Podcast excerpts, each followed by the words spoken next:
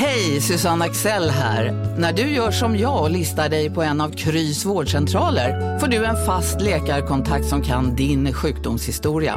Du får träffa erfarna specialister, tillgång till lättakuten och så kan du chatta med vårdpersonalen. Så gör ditt viktigaste val idag, listar dig hos Kry.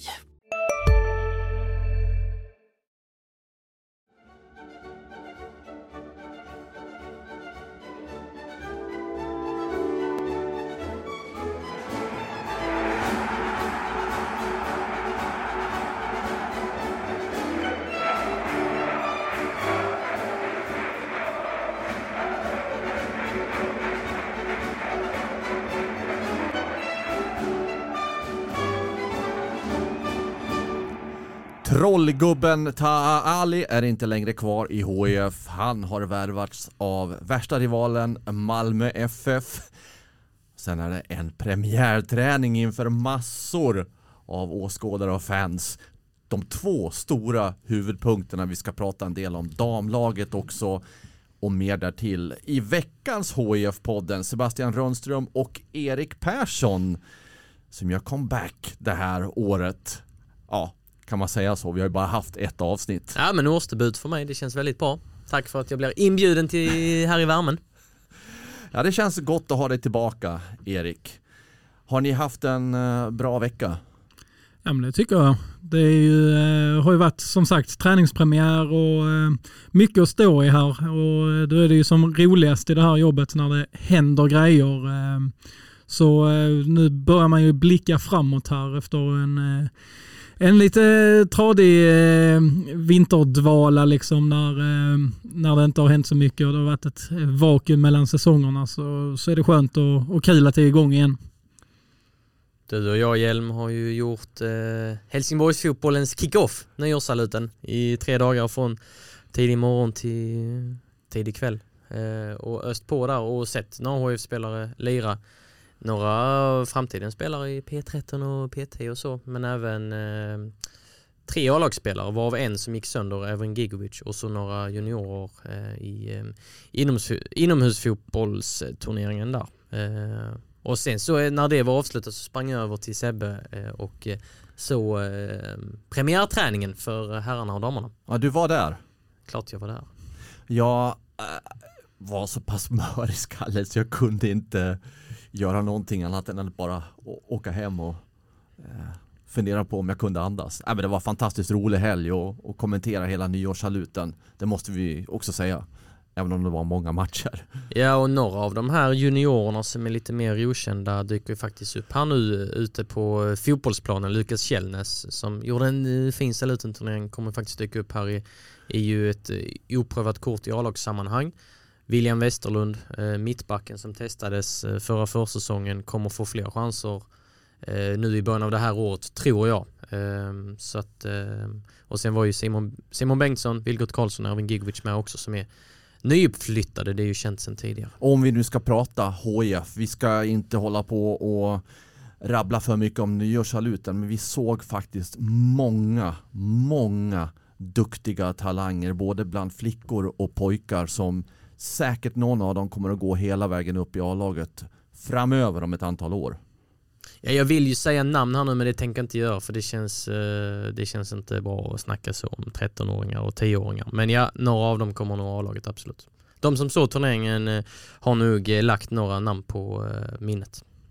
Damlaget var ju med också, blev utslaget i, i semifinalen där. Där var ju också en, en drös ja, men riktiga A-lagsspelare som sen var med på, ute på Olympiafältet och, och var med om eh, fyrverkeripjäser och röd himmel och, och hela den här premiärträningsbalunsen. Ja, damlaget som alltså tagit sig upp ytterligare en division i systemet och ska spela i division 2 2023.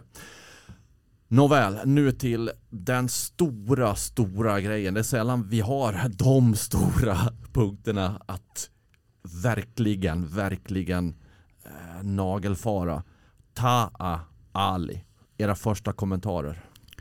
Men vi stod väl här för en vecka sedan och spekulerade kring eh, vad som skulle kunna hända eh, runt Ta'a Ali och landade väl i att inte hade varit förvånande om han faktiskt blev kvar i HIF. Men eh, så blev det inte. Det var, tog inte många timmar eller dagar innan ryktena började spridas om att eh, han var på väg till just Malmö FF. Eh, och sen så blev det då officiellt i samband med Malmös träningspremiär då eh, i måndags. Eh, han var ju inte med på HIFs dagen innan. Ja, alltså jag tycker ju det är, ja, det är dels ett tapp för HIF men sen är det ju också en intressant liksom, varvning sett till att han inte nådde upp till de riktigt höga förväntningarna som faktiskt ställdes på honom inför förra säsongen. Han, eh, han var otroligt hypad, inte bara av media utan alltså även HIF själva la ju mycket liksom Ja men de hypar själv honom i sociala medier till exempel. Eh, Lagkamraten Anders Lindegård sa att han var Sveriges bästa spelare. Ja exakt, så det, HIF bidrog ju själva i högsta grad till den eh, hypen. Eh, varvades med hjälp av externa finansiärer och så vidare. Så han hade stora förväntningar och, och krav på sig under säsongen och det, det fortsatte ju liksom under alla matcher för han var ju, även om han inte levde upp till förväntningarna, eh, de höga som då ställdes på honom, så var han ju trots allt den som det ofta hände saker kring i HIF. Eh, det hände fram, eh, ofta för lite, uppenbarligen eftersom HIF sen åkte ur allsvenskan. Men när det väl blixtrade till så var det ofta han som, som gjorde saker och, och visade sina kvaliteter. Um, det ska bli intressant att se honom i ett allsvenskt eh, förmodat topplag då i MFF. Nu blir det en ny tränare där, Henrik Rydström, som, eh, som nog, eller som, som uppenbarligen gillar Taha Ali väldigt mycket och som eh, tänker sig honom som en, eh, en spelare som kan slå ut sin gubbe en mot en. Det är en egenskap som har saknats lite i Malmö-truppen. framförallt det här med farten och, eh, och kunna utmana. Eh, och sen så just att i Malmö kommer han inte att vara alltså ha det, de kraven på sig att det är han som ska göra allting hela tiden utan här kan han vara lite mer vän i mängden men samtidigt vara den som sticker ut. X-faktorn som bryter mönster på ett annat sätt än, vad han, än den rollen han hade i HIF. Så, eh, snarare, en jo, snarare en joker än en stjärna. Exakt, så det, på så sätt ska det bli intressant att se honom om man kan växla upp eh, ordentligt i, i Malmö. Det, det hade ju inte förvånat för kapaciteten finns ju där. Det vet ju alla som har sett HIF spela men eh, man har ju lite att bevisa på allsvensk nivå. Eh, Speciellt nu när han kommer till en större klubb också. Det är en Henrik Rydström-värvning. Eh, Oavsett vilket lag Henrik Rydström skulle träna i år så hade jag eh, eh, gärna sett Ali under just den tränaren för att han får, alltså Rydström, bevisligen ut mycket av spelare och jag tror att han kan eh, ja, men, även vässa Talis svagheter avslut, eh, men även det defensiva. Och låta honom skina eh, med, det, med det han är, är bra på. Eh, så att se honom under Rydström ska bli spännande. Det var, det var liksom min första tanke. Sen var det ju inte någon annan som tänkte så. För att eh, supportrar eh, tänker ju på eh, Eh, helt eh, andra grejer. Men jag tänkte på det sportsliga och, och tror att Tali kan ta nästa steg eh, under Rydström. Sen finns det fler dimensioner i den här övergången som det snackas mer om. Jag återkommer snart till supportrarnas reaktion där. Jag vill börja med bara att eh, gå tillbaka lite då. Taha Alis betydelse för HIF. Du var inne på det Sebbe att ja, han hade skyhöga förväntningar och det var ändå kring honom det mesta kretsade även om inte han poängmässigt fick ut så mycket personliga poäng då. Tre mål, en assist i allsvenskan. Ja, och det skulle kunna varit fyr, fem dubblat om han hade tagit vara på en del av alla chanser han faktiskt skapade åt sig själv. Eh, men nu när HIF ska starta om än en gång i superettan och försöka bygga upp något mot allsvenskan, att Taha Ali inte är kvar, vilken betydelse får det? Det får en eh, stor betydelse eh, för Alltså de, med tanke på faktiskt beroende de var av honom i, eh, i allsvenskan eh, och med tanke på hur iskalla många andra spelare var så, så kommer det att markas att han inte är kvar. det kommer krävas att en sån som Wilhelm Löper, alltså nu, nu pratar jag utifrån att om HIF ska gå upp igen i allsvenskan. Det, det har vi ju liksom varit inne på också att HF kanske skulle må bra av att stanna i, i superettan någon säsong och, och, bygga från grunden. Men, eh, men om man då utgår från att HF har målsättningen att, att vinna superettan, gå upp i allsvenskan igen. Det kommer krävas att Wilhelm löper, når tillbaka till eh, 2021-formen. Det kommer krävas att Armand Musin gör sina mål. Och sen så skulle jag tro att man, man behöver ersätta Tara Ali på något sätt. Du får inte den kvaliteten eh, som ett superettanlag. Men någon bättre spelare än vad man har alternativ nu. För det är Arian Kabashi som inte gjorde något större avtryck under hösten och som inte heller har gjort något enormt avtryck i superettan innan heller. Um, sen har du Dennis Olsson som är skadad uh, åtminstone fram till sommaren så han kan man ju inte räkna med i ekvationen. Adam Kajed, Adam Kajed som, uh, som inte uh, tog en plats när man väl kom upp i allsvenskan. Eh, jag fick starta i början men sen så hamnade han längre bak i kön och fick heller ingen speltid under utlåningen i, i Stabäck. Eh, och sen är det nyuppflyttade Anton Nilsson då som, som man, ja vi har ju sett för lite av honom för att, att döma så, men han är ju ung och eh, ja men kanske tänkt lite mer på sikt så han kan man ju inte sätta kravet på heller utan ska HIF forts, alltså ska HIF vara liksom favorit till att vinna superettan så måste vissa spelare steppa upp rejält samtidigt som jag tror att det behövs en, en ersättare eh, utifrån. De kommer vara favorit till att vinna superettan även utan Tali skulle jag säga. Alltså, Tali i superettan igen, det, som jag ser det, nu var jag inte med eh, förra veckan när vi spelade in här, men det vore ganska sensationellt om han hade gjort en ny session i superettan med tanke på hur otroligt jäkla eh, dominant han var när han var där eh, senast och ändå visat eh, glimtar. Vi, vi kan kritisera honom för den gångna säsongen men vi, vi kan också fastna vid, vid de eh, glimtarna han visar kring sin högsta nivå och då är det väldigt naturligt att någon allsvensk klubb, kanske till och med någon utländsk klubb liksom skulle, skulle ta honom. Så HIF eh, måste ju ha kalkylerat länge, alltså flera månader med att Tali kommer inte vara med eh, eh nästa säsong om vi spelar i superettan. Så, så på så sätt borde liksom inget i strategin eller, eller tänket ha ändrats tycker jag. Jag ser det som att det vore en enorm bonus om Tali hade spelat i HFs tröja när superettan hade startat. Så om jag sammanfattar era båda resonemang så låter ingen av er förvånade att det faktiskt blivit en affär av på så sätt att han lämnar HIF? Nej, alltså jag har varit inne på att alltså jag hade haft väldigt svårt att se eh, Taali och Willem Löper på den här premiärträningen och jag, den ene var inte där, Willem Löper var där och, och eh, där, där är det ju eh, helt, eh, ja men vad ska man säga, skilda spelare och, skilda case. Eh, Willem Löper inte alls de högsta nivåerna men, men där misstänkte jag väl också att ja, kanske flytt där men definitivt en flytt på på Tali. Ska vi då äh, gå över till hur mycket Malmö FF faktiskt betalar för Tali? Ja, det ligger en text ute på hd.se där vi reder ut eh, det ekonomiska upplägget. Det är så att enligt våra uppgifter då att HF har fått 8 miljoner av eh, Malmö FF för Tara Ali.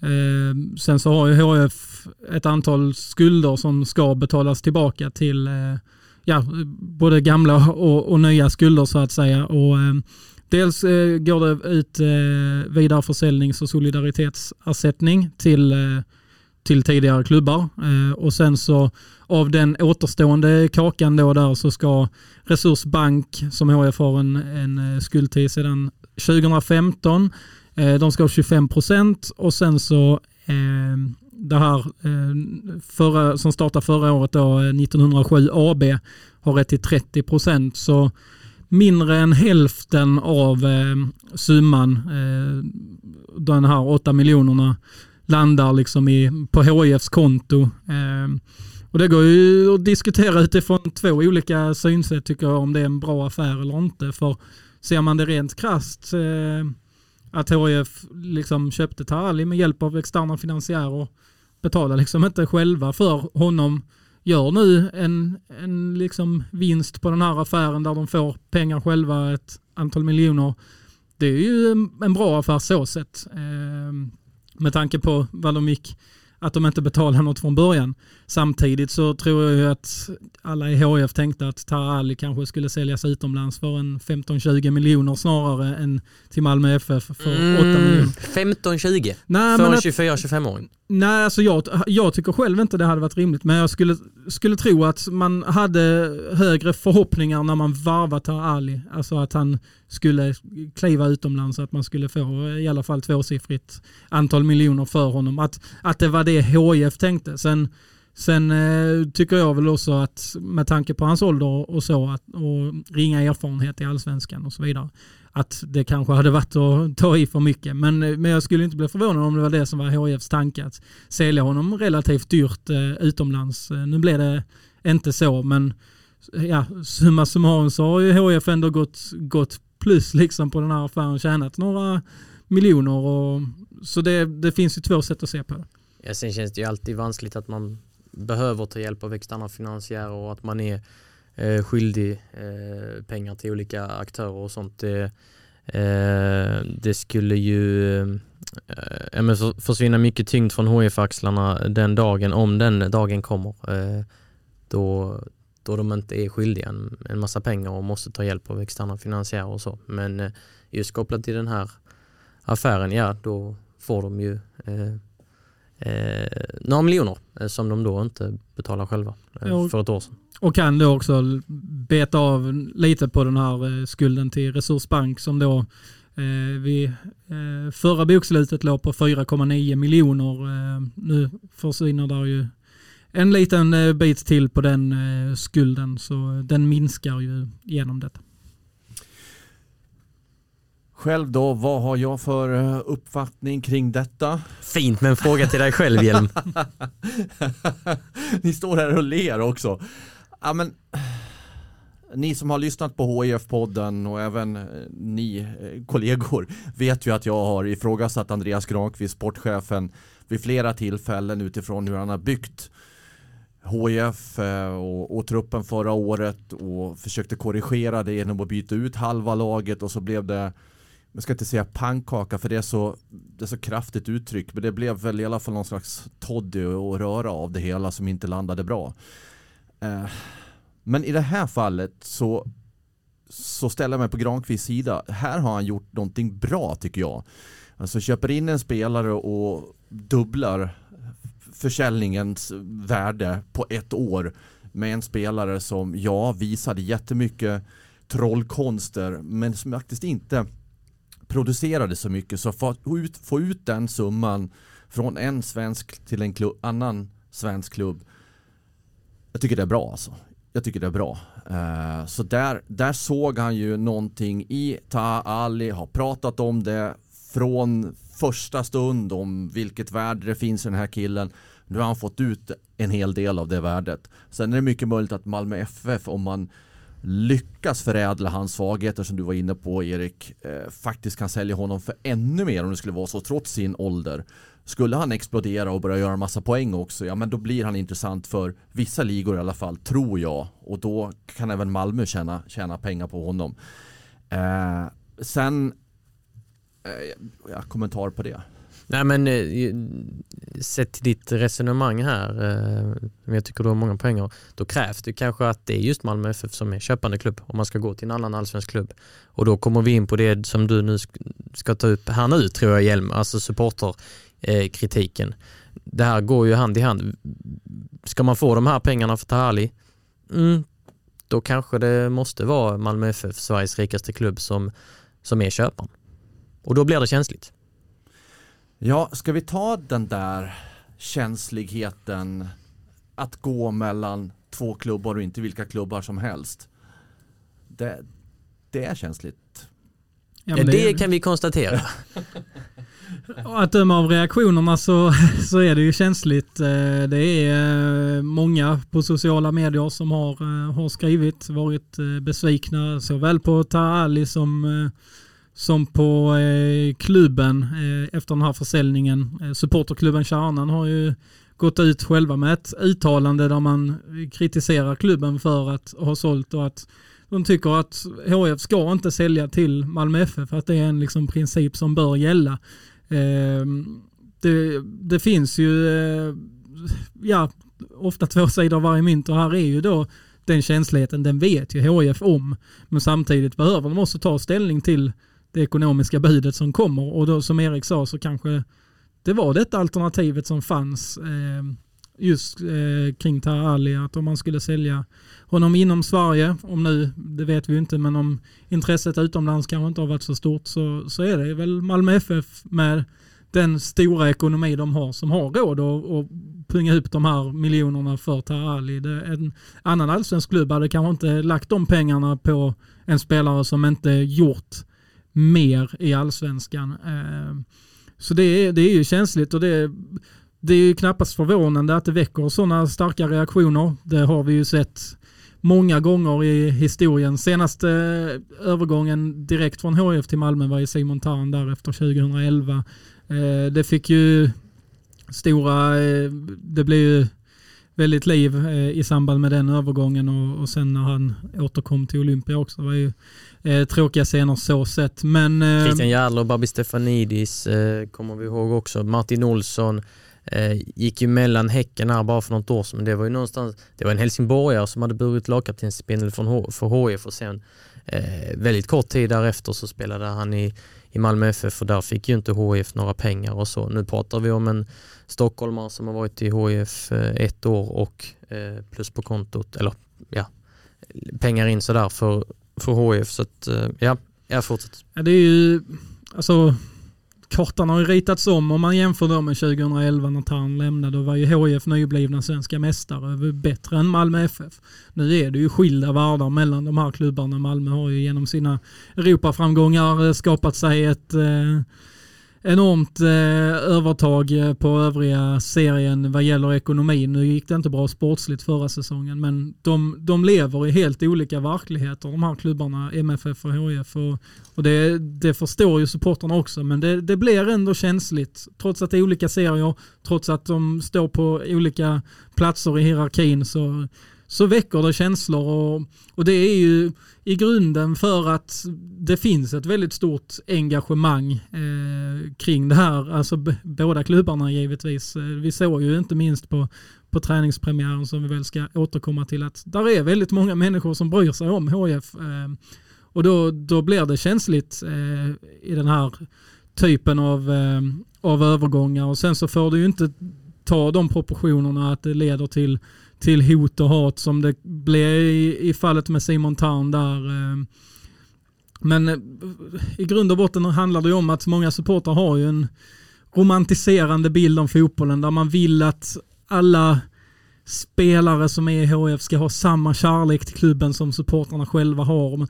Men så ser ju inte riktigt eh, fotbollsvärlden ut idag. Eh, det, det, finns absolut de, framförallt då de som kommer härifrån i Helsingborg som, eh, spelare då som, som har väldigt starkt hjärta för klubben. Men, men sen är det i den här moderna fotbollen så, så hör, hör det till vanligheterna att spelarna byter klubb och, och så vidare. Men, så det blir ju någon slags krock där mellan eh, supporternas eh, romantisering av sporten och eh, sen även eh, hur spelarna tänker kring deras egen framtid och så vidare. Nu är ju inte HIF på något sätt unikt i det här utan det är ju känsligt runt om i världen oavsett var det sker någonstans mellan rivaliserande klubbar. Så i mitt resonemang som jag har här nu så är det ju inte enbart kopplat till HIF utan det är kopplat till ett större perspektiv. Och jag, även om jag förstår att jag går ut på tunn is nu och kommer till och med att gå igenom isen och, och vara på väg att drunkna och få shitstorm och allting mot mig så ja, det, det, är lite svårt för mig faktiskt ändå att förstå runt om i världen denna enorma ilska som uppstår för att en spelare går till en annan klubb. Ja, då kommer jag säkert få det. Ja, men du är dum i huvudet, du fattar ju inte supporterkultur.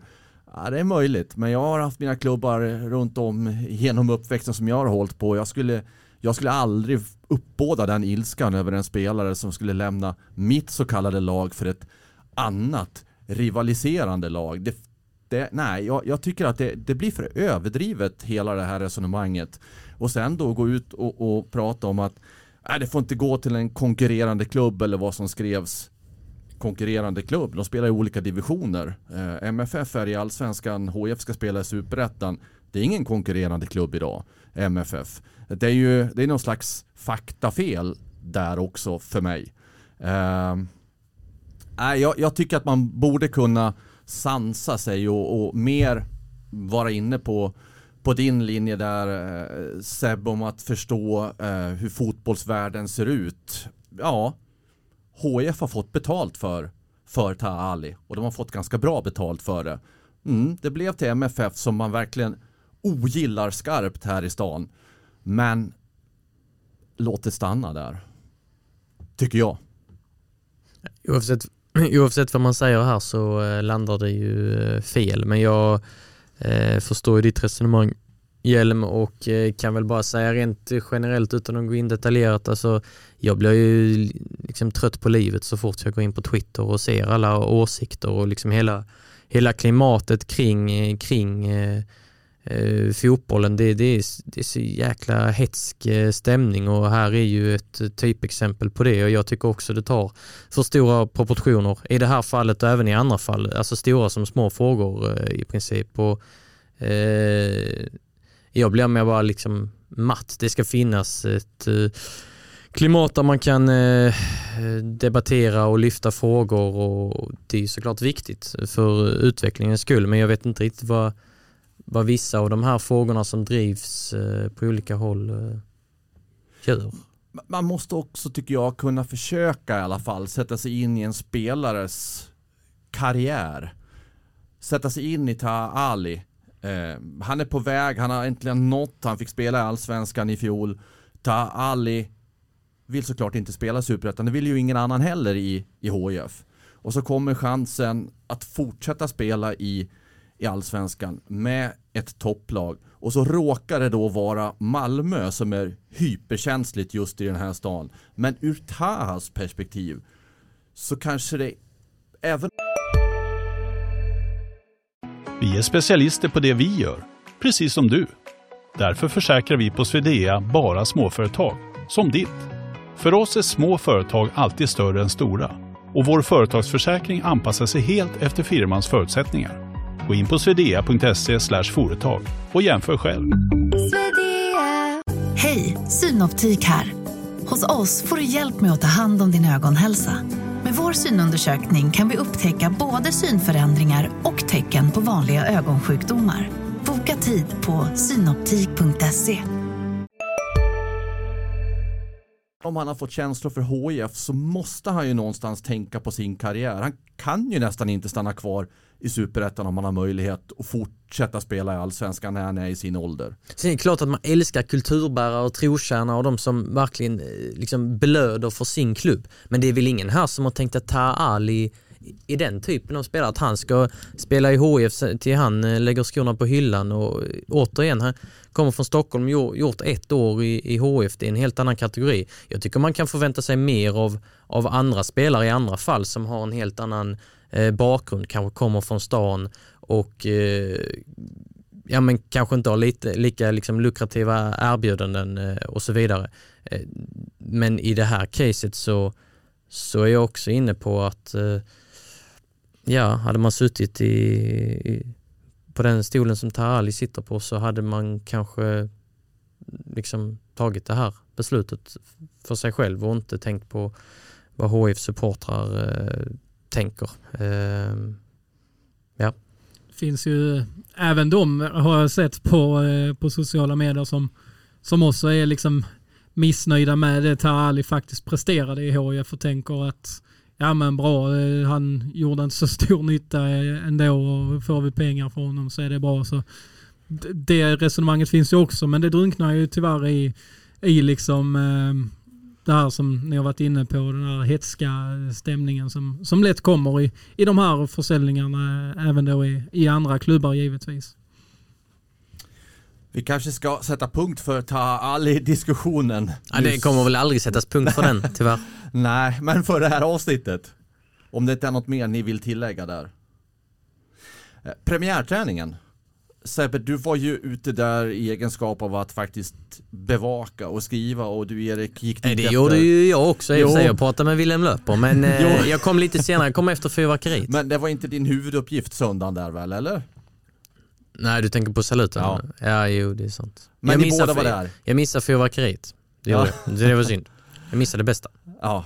Men, ni var båda där? Jag var där och jag såg eh, fyrverkerierna och eh, de här eh, när himlen färgades röd. Eh, otrolig uppslutning. Eh, var ju väldigt, eh, får man ge HIF, att det var ett eh, smart drag att eh, köra både herrlaget och damlaget samtidigt på planen och, och dessutom i anslutning till nyårssaluten. Det var ju många som tog de eh, få meterna från arenan till, eh, till Olympiafältets plan 10. Eh, stort tryck. Det var eh, det small hela tiden med fyrverkerier i princip under hela träningspasset, inte bara i början utan eh, och det lät högt. Jag vet inte om det berodde på att de smällde iväg de här mellan eh, eh, hallen där bakom eh, läktaren och, och läktaren då, eh, att det blev någon slags eh, ljudeffekt där, att det var lite instängt, eh, att det därför lät högre, men det lät, det lät betydligt mer än vad eh, det brukar göra med nyårsfyrverkerier. Ehm, så det är ju ett, eh, ett stort eh, styrkebesked så sett. Vi har ju sett eh, många andra klubbar i allsvenskan då som, som haft liknande uppslutning på sina premiärträningar. Jag tycker det är, det är kul att se eh, att det blir ett sånt drag eh, på så många håll i, i Sverige kring de här eh, premiärträningarna och att supportrarna sluter upp och inte minst eftersom HF kommer från en historiskt usel säsong att supportrarna är där och, och visar sitt stöd. Så det, det är alltid kul att se att det finns ett stort intresse och engagemang kring det hela.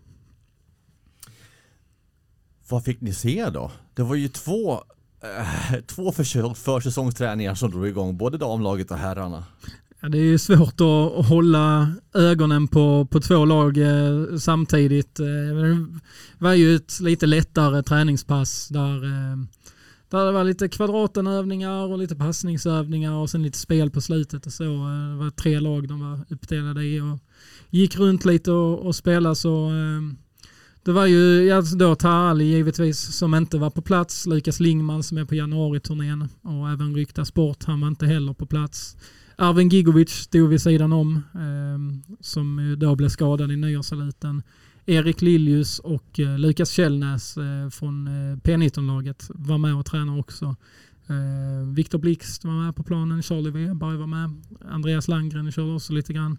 De som har varit skadade. Dennis Olsson var också ute på planen. Han tränar ju inte eftersom han eh, är korsbandsskadad men, eh, men han var också där. Så i princip alla var på plats eh, i olika, eh, ja, med, med olika uppgifter på träningen. Andreas Landgren gästade ju oss under nyårssaluten och vi pratade ju en del om, ja dels vad HIF ska stå för, identiteten. Det, det finns att lyssna på från saluten. Men också kring hans egen återkomst efter att ha haft skador igen och opererat sig. Och, ja. och han är väl en liten bit från, som vi förstod honom, från att kunna spela. Men inte så långt borta. Nej, snarare i februari väl att han gör match-comeback.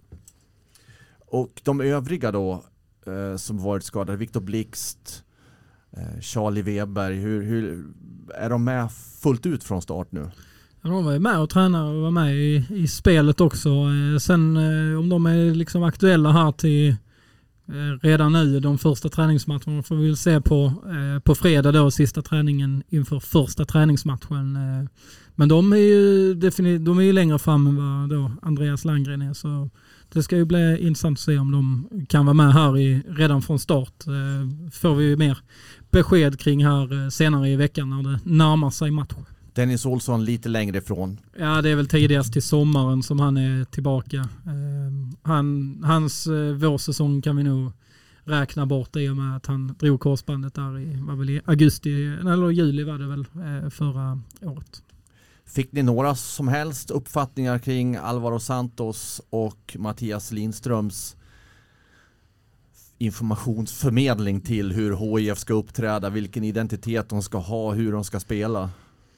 Eh, de har varit ute och sagt att de ska ha längre arbetsdagar och att de har analyserat det här noggrant och eh, det är ju enkelt att säga. Eh, man har också sagt att man ska hålla fast vid 4-3-3, sen finns det ju, man kan vrida på det på olika sätt. Men än så länge ser jag det som tomma ord. Jag vill se det på riktigt först hur det ser ut på planen för det finns jättemånga frågetecken efter fjolåret när det så så väldigt eh, hafsigt ut och man undrar var den röda tråden eh, är både i verksamheten och eh, nere på planen var. Så att eh, ehm, ja, vi får se eh, hur det ser ut helt enkelt. Eh, men, jag. men Andreas Landgren, nu minns jag från den intervjun, nu snappar jag bara upp här. Han konstaterar ju faktiskt att oavsett, då var det ju inte klart med, med Taha oavsett vad som skulle hända med Taha och sådär så, så ska i alla fall HIF ses som ett topplag. Ja, men det, det ja, ja, ja, men det, alltså, det går ju inte att undkomma. Eh, det är nästan så att ställer HIF upp med sitt P19-lag så kommer de ändå vara favoriter i Superettan. För det är HIF, så är det när, när, när de är i Superettan och de har ju ett eh, slagkraftigt lag på pappret i Superettan mot mätt. Att Thomas Rogne, ny lagkapten nu, är kvar. Det, det, ja, jag har ju uttryckt det i många poddar att eh, alltså ska, han, ska han spela i Superettan? Jag, jag får nypa mig i armen. Eh, nu så är vi ju liksom ganska nära ett sånt eh, men du är, du är vaken Erik, jag lovar, du är vaken. Jag ser ja, dig och du ja, pratar. Ja, precis. Men eh, det är ju eh, definitivt Superettans bästa mittback exempelvis. Det finns ju fler som ska leverera på, på väldigt eh, hög nivå. Så det är ju, alltså, ja, som jag sa innan, med eller utan Tahali så, så är HIF eh, topptippat. Men såklart eh, en klar missräkning. Vi såg det själva när Ervin Gigovic stapplade ut och blev eh, lindad kring ena låret. Förhoppningsvis så är det ju inget allvarligt utan han gick väl ut direkt så fort han kände känning. Men... Två veckor sägs det väl så att, eh, och det är ju ingen spelare som HF står och faller med men det är en spelare som verkligen ska konkurrera om en startplats och kan dessutom användas på olika positioner så det, det är en spelare av värde under säsongens gång. Sen är det ju inte nyckelspelarkategorin än i alla fall. Sen återstår ju fortfarande minst ett frågetecken att räta ut. Var spelar Lukas Lingman? Ja, kan man säga så när han står under avtal med HIF? Det är väl klart att han ska spela i HIF. Nej, så klart är det inte. Nej, det är väl snarare klart att han inte ska spela i HIF. Eh, vi har ju, vår kollega Marianne Svaborg skrivit om det också att eh, det är väl aktuellt med en fortsatt utlåning till HIK. Eh, det finns antagligen fler klubbar med i bilden och Lukas Lingman har ju varit ute i finsk media och eh, ja, men kritiserat eh, liksom, hans eh, tid i HIF, hur, hur han användes och alltså allt, allt pekar på att han inte kommer att ta på sig HIF-tröjan igen. Sen är det ju det här med att HIF vill ha betalt och de vill ju inte rea ut sina spelare som man har hört 71 000 miljoner gånger. Eh, så kanske att man då skjuter på det lite genom att fortsätta, fortsätta med en utlåning men eh, det är ju inget som är kommunicerat än. Lukas Lingman var väldigt fåordig efter landskampen i måndags mellan Finland och Sverige när han pratade med fotboll, Fotbollskanalens reporter Martin eh, Petersson. Han bekräftade att det finns, att det finns intresse från, från olika håll, bland annat HIK, men var otroligt kortfattad på frågorna om HIF och, och liksom sa i princip jag, jag, jag, kan inte svara på det, på det här just nu, jag tror inte jag får det. Eh, så det är en känslig situation. Också eh, supportrar som har reagerat på Lingmans eh, ja, men, eh, brist på, eh, vad säger man, eh, nu tappar jag ordet. Eh, brist på eh, lojalitet, till, lojalitet till, till HIF. Men jag, jag, kan inte se någonting som pekar på att han ska spela i HIF igen.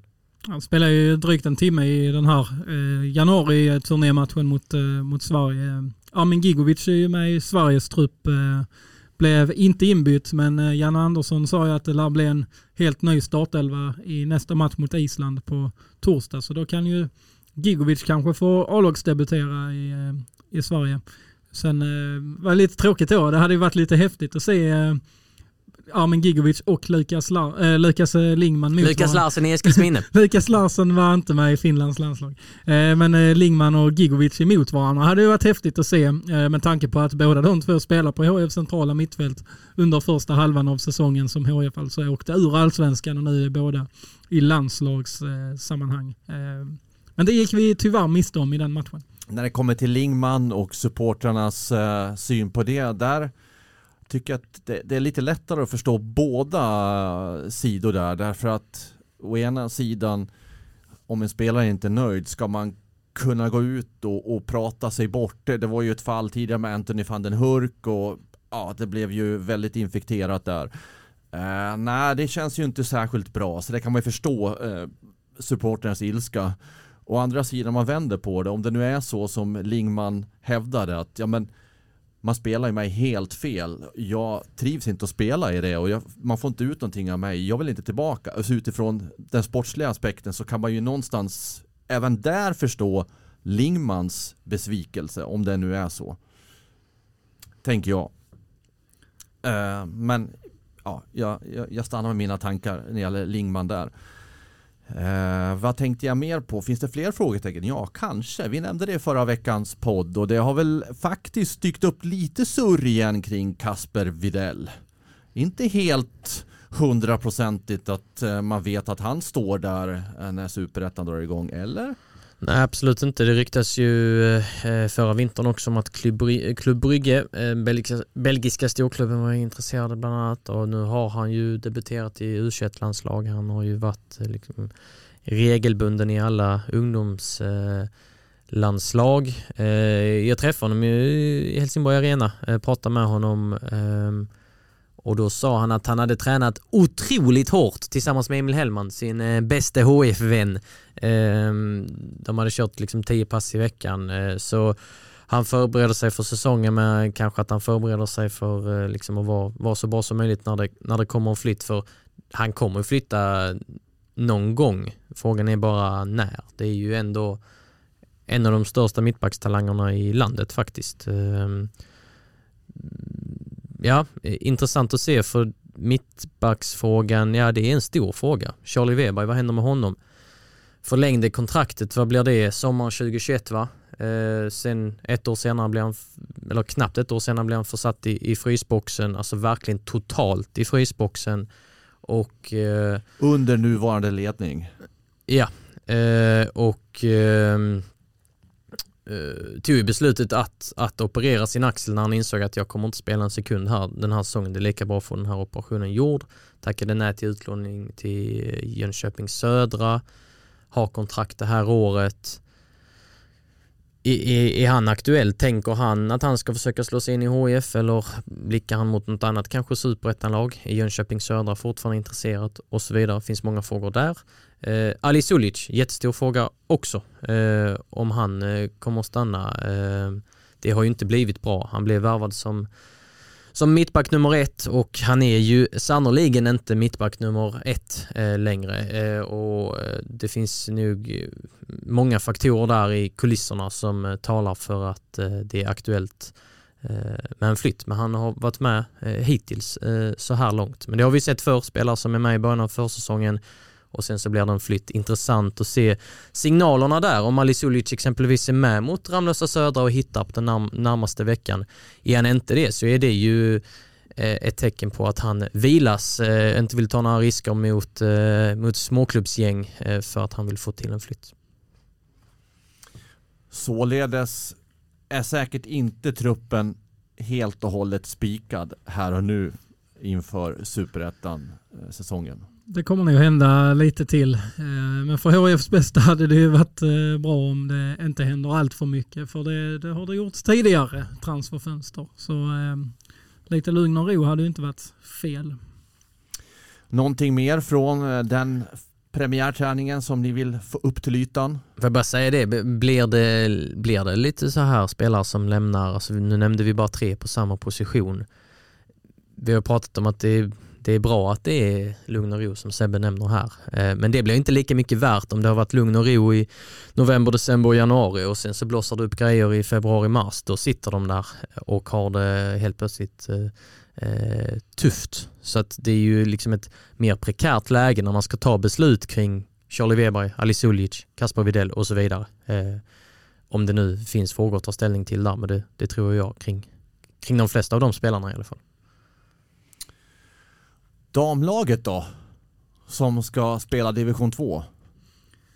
Ja, har ju tagit sig eh, lekande lätt igenom eh, fyran och trean. Eh, nu blir det lite tuffare. Nu har de eh, dessutom eh, eh, eller eh, byggt om seriepyramiden så att eh, framförallt division 1 blir ju extremt mycket tuffare än vad den har varit innan eh, och det får ju då följdeffekter även neråt. Men HIF har ju som uttalad målsättning att, att vinna även denna serien och det är ju svårt att och bedöma konkurrenternas eh, slagkraft eh, eftersom vi inte har, har någon vidare eh, koll på de lagen. Men... Eskilsminnes akademi är med exempelvis. De har vi ju lite koll på i alla fall. Så det, det, det är ett par derby vi kan se ja. fram emot. Även Hittarp och Västra Karup härifrån regionen spelar i den serien. Så det kommer att bli lite derbyn även på, på denna nivån ju, med, med damlaget. Nu börjar det bli lite mer alltså att ta, ta, ta tag i, höll jag på att säga, men lite mer konkurrens och tuffare för HIF. Det blir sport, jag ska inte säga på riktigt för det har varit sport tidigare också så det inte blir några missuppfattningar men det blir ändå mer åt elithållet. Ja verkligen. Ehm, och ja men det blir, det blir svårt. Kollar man i division 1 så är det ju många många stora klubbar som, som, har, som likt HIF börjat göra de här damsatsningarna och med eh, den här seriepyramiden som har gjorts om så blir nålsögat något helt annat eh, än vad det har, har varit tidigare. Så det lär inte bli liksom 100 mål framåt och inget insläppt för HIF i år. Det kommer eh, vara helt andra utmaningar för, för det här laget 2020, 2023. Och i samband med eh, HIFs damlag så har det uppstått en debatt med eh, HD. Vad handlar den om och ska vi försöka reda ut det där? Ja, nej men det, det finns ju, alltså i och med att alltså, vi bevakar i HFs herrlag väldigt tätt eh, eftersom de ja, är stadens största lag och tillsammans med, med Rögle det, den, de största klubbarna som, eh, som vi har här i närområdet. Och, och, och spelar på elitnivå, spelar på, på elitnivå. Och då, då, då blir det ju naturligt att vi bevakar härlaget väldigt tätt.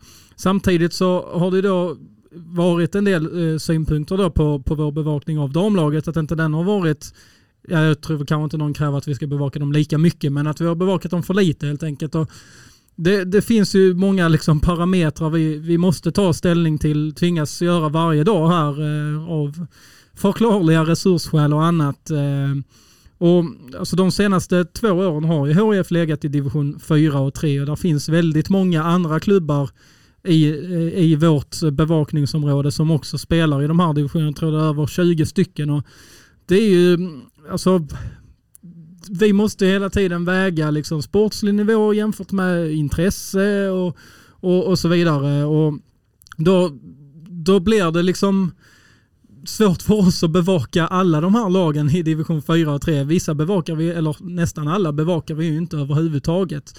Eh, vi skriver ju om alltså, ja, vi har ju, eh, kortisar, vi om, har ju kortisar om matcher, det ska vi ju säga. Efter, efter matcherna Resultat och sånt kan man ju alltid se. Det kan man alltid se. Men eh, i veckorna och så, så bevakar vi ju inte de här lagen. Trots det så har vi gjort insatser kring HFs damlag. Eh, nu senast gjorde vi två intervjuer i samband med premiärträningen. Vi har dessutom sänt matcher med laget eh, Eh, och vi har skrivit artiklar och följt upp deras seriesegrar och så vidare. Så vi, vi har ju eh, bevakat det här laget betydligt mer än vad vi bevakat andra lag på samma nivå. Eh, eh, samtidigt eh, så även vissa lag som då ligger högre upp där är ju de lagen i division 2 nu till exempel som HF ska möta som vi inte har bevakat lika mycket som HF trots att de har legat i lägre divisioner. Så det, alltså, i takt med att HF avancerar i seriesystemet så kommer vi att bevaka HIFs eh, damlag betydligt mer också ju, men, eh, men det är en liten försök till förklaring till, eh, till hur vi har tänkt här på, eh, på det. Sen det står det alla fritt att tycka eh, om vi gör rätt eller fel och så vidare, men, eh, men det, det är så, så det ser ut i alla fall.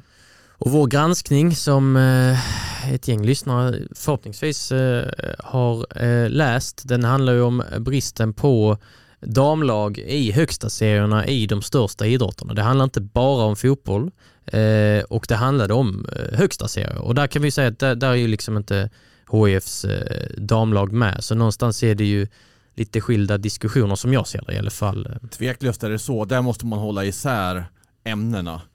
Alltså gör vi en artikelserie om hur, hur Helsingborg står sig jämfört med andra städer i Sverige på högsta nivån. Då kan man inte komma in och börja diskutera lag från lägre divisioner.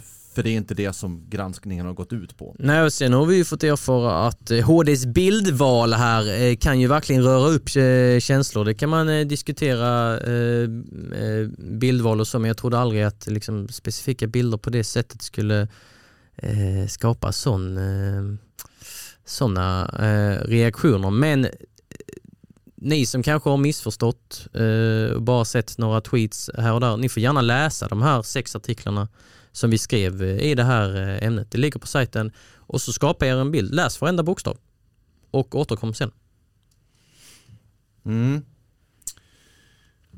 Vi ska också komma ihåg det att det finns ju lag fortfarande som är bättre än HIF som är högre upp i systemet än eh, division 2. Eskilsminne till exempel. Och det är ju damlaget här i regionen som vi bevakar i fotbollssfären. Det är de som är högst upp eh, och sen som sagt, division 2, division 3, division 4, eh, där gör vi liksom inga regelbundna bevakningar. Vi skriver, eh, det skrivs om alla matcher, eh, men det är inte vi liksom här som gör det. Vi, gör, vi är inte på deras träningar och så vidare. Så där, där ser ni också ha, eh, hacket mellan division 1, Eskilsminne, kontra liksom division 3 och division 4 där HIFs damlag har varit eh, eh tidigare. Nu när HIF kommer upp på en högre nivå, ja då kommer det här argumentet med att HIF just är HIF, då, då börjar det väga lite, lite tyngre. Men vi tycker då att det har vägt lite för, eh, lite för lite när de har varit på så, eh, så pass eh, låg nivå. Eh,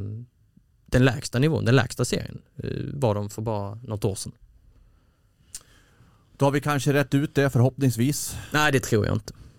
Nej, Nej det är möjligt. Det är möjligt att vi... Vi får gå in på Twitter efter det här avsnittet så får Nej, vi se. Jag, jag vet inte om jag vill göra det.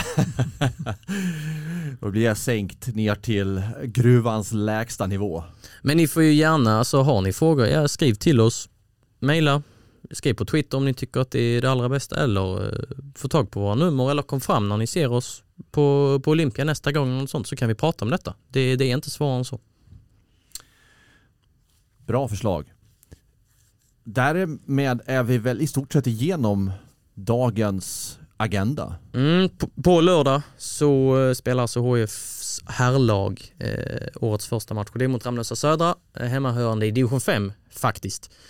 Vi sänder matchen på odi.se eh, och vi fortsätter ju sända matcher under försäsongens gång eh, Hittarp eh, i Laröd på onsdag exempelvis, 18 januari. Eh, så det är ett tätt spelschema för eh, HF här och eh, vi sänder eh, så många försäsongsmatcher vi bara, har, eh, vi bara kan. de vi har rättigheter till helt enkelt. Så att, det är bara att kika. Det finns med andra ord fler än en anledning att prenumerera på HD. Ja men det gör det. Ja, jag det, tycker ju att det finns argument för det även om eh, några där ute i stugorna eh, börjar hitta argument för att inte göra det. Men eh, ge oss en chans. Det ska bli intressant att se eh, hur HIF eh, tar sig an den här matchen liksom mot eh, Ramlösa Södra. Det, det är ju som sagt, Erik sa, det är ett division 5-lag man möter. Det, det ska ju vara klasskillnad. Men sen blir det också intressant, är alla A-lagsspelare med eller fyller man på med juniorer och så vidare? Ja, alla A-lagsspelare kommer inte vara med. Det, Nej, så, så, är, så, så, blir det, eh, så det blir intressant att se vilka, eh, alltså vad det är för typ av trupp de tar ut eh, till den här matchen. Okej, okay. Tack så mycket för att ni har lyssnat på den här veckan och välkomna tillbaka om, ja, kanske en vecka. Vi får se om vi får ihop möjligheterna då. Ni vet ju att HIF-podden kommer att finnas kontinuerligt från och med det att säsongen faktiskt är igång på allvar. Då pratar vi om tävlingsspel. Fram till dess så eh, kan det bli eh, någon lucka någon vecka, men vi försöker. Vi försöker. Ambitionen finns där. Men tack till er. Nu önskar vi er en fortsatt skön vecka.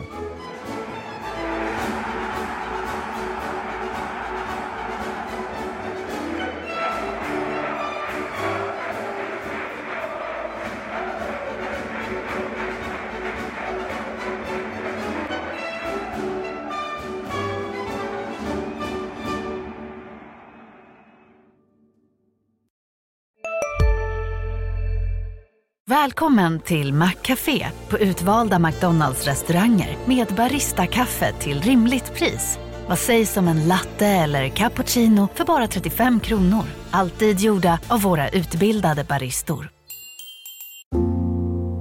Ska några små tassar flytta in hos dig? Hos Trygg Hansa får din valp eller kattunge 25% rabatt på försäkringen första året. Läs mer och teckna djurförsäkringen på trygghansa.se. Trygg Hansa, trygghet för livet.